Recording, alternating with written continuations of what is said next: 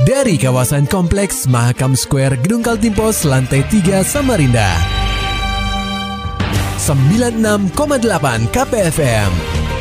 Kita akan ikuti program KP Flash News.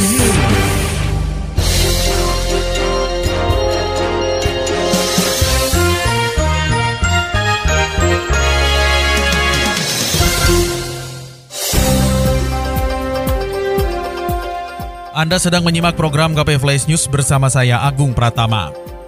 Edarkan sabu-sabu di eks lokalisasi Loahui, pria 35 tahun dibekuk Polsek Samarinda seberang.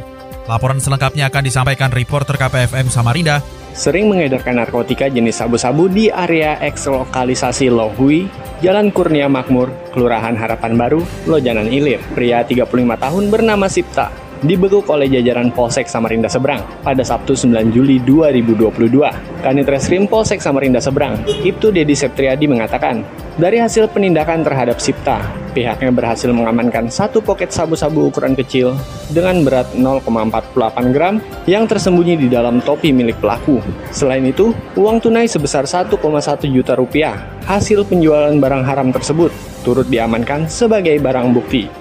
Jadi yang lu itu kan dia kan emang udah berapa bulan gitu loh. Sama hmm. anggota juga udah berapa minggu kan melakukan hmm. penyelidikan, ya kan. Hmm. Jadi ya, ya motornya kecil-kecilan aja tuh dia sebagai dua pocket. Oh, jadi dia buka loket di Lohui gitu pak? Hah? Dia buka loket di Lohui gitu? Enggak sih, dia kayak door to door aja.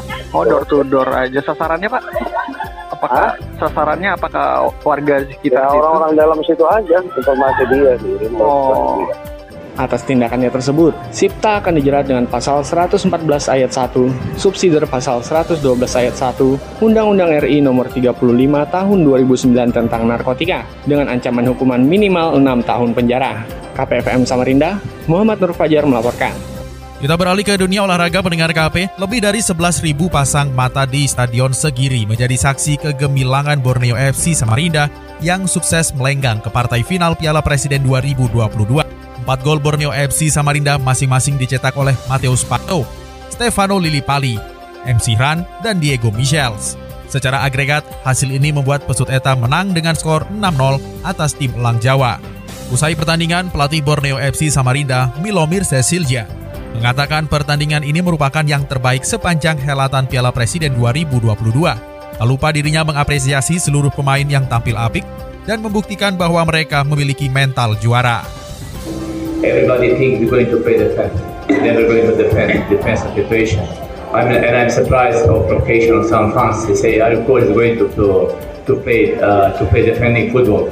We never play against such a beautiful fans to play to when they come in so, so, so huge number, we play defending football. No, we'll try our best.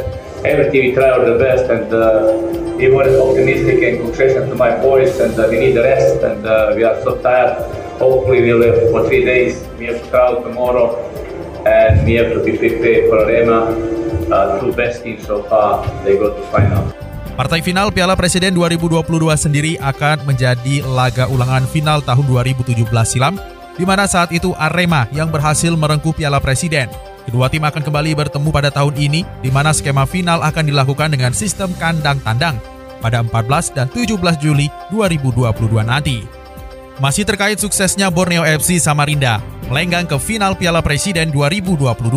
Dengar KP, Wali Kota Samarinda Andi Harun tampak bangga terhadap Borneo FC Samarinda yang sukses melaju ke final Piala Presiden 2022 usai menundukkan PSS Sleman dengan agregat 6-0 pada partai semifinal.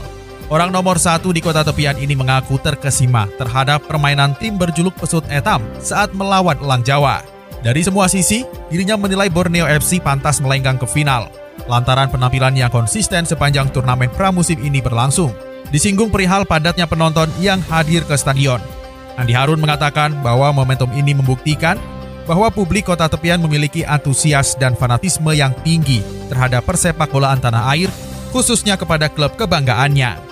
Saya kira Piala Presiden menjadi trigger bagi tingginya kecintaan warga Samarinda terhadap uh, sepak bola Borneo dan ini mudah-mudahan menjadi terus menerus akan seperti ini di semua pertandingan, semua event yang dijalani oleh Borneo FC. Lebih lanjut, Wali Kota Samarinda Andi Harun sangat optimis Borneo FC Samarinda dapat meraih juara Piala Presiden 2022 jika penampilan tim berjuluk Pesut Etam itu terus konsisten sampai babak final menghadapi Arema FC nanti. Berita olahraga lainnya pendengar KP sahabat 5 medali emas Kaltim juara umum Sambo Series 2. Berikut laporan reporter KPFM Samarinda, Maulani Alamin. Tim Sambo Kaltim berhasil meraih 5 medali emas dalam kejuaraan Indonesia Sambo Series 2 yang terselenggara pada 11 hingga 12 Juni lalu.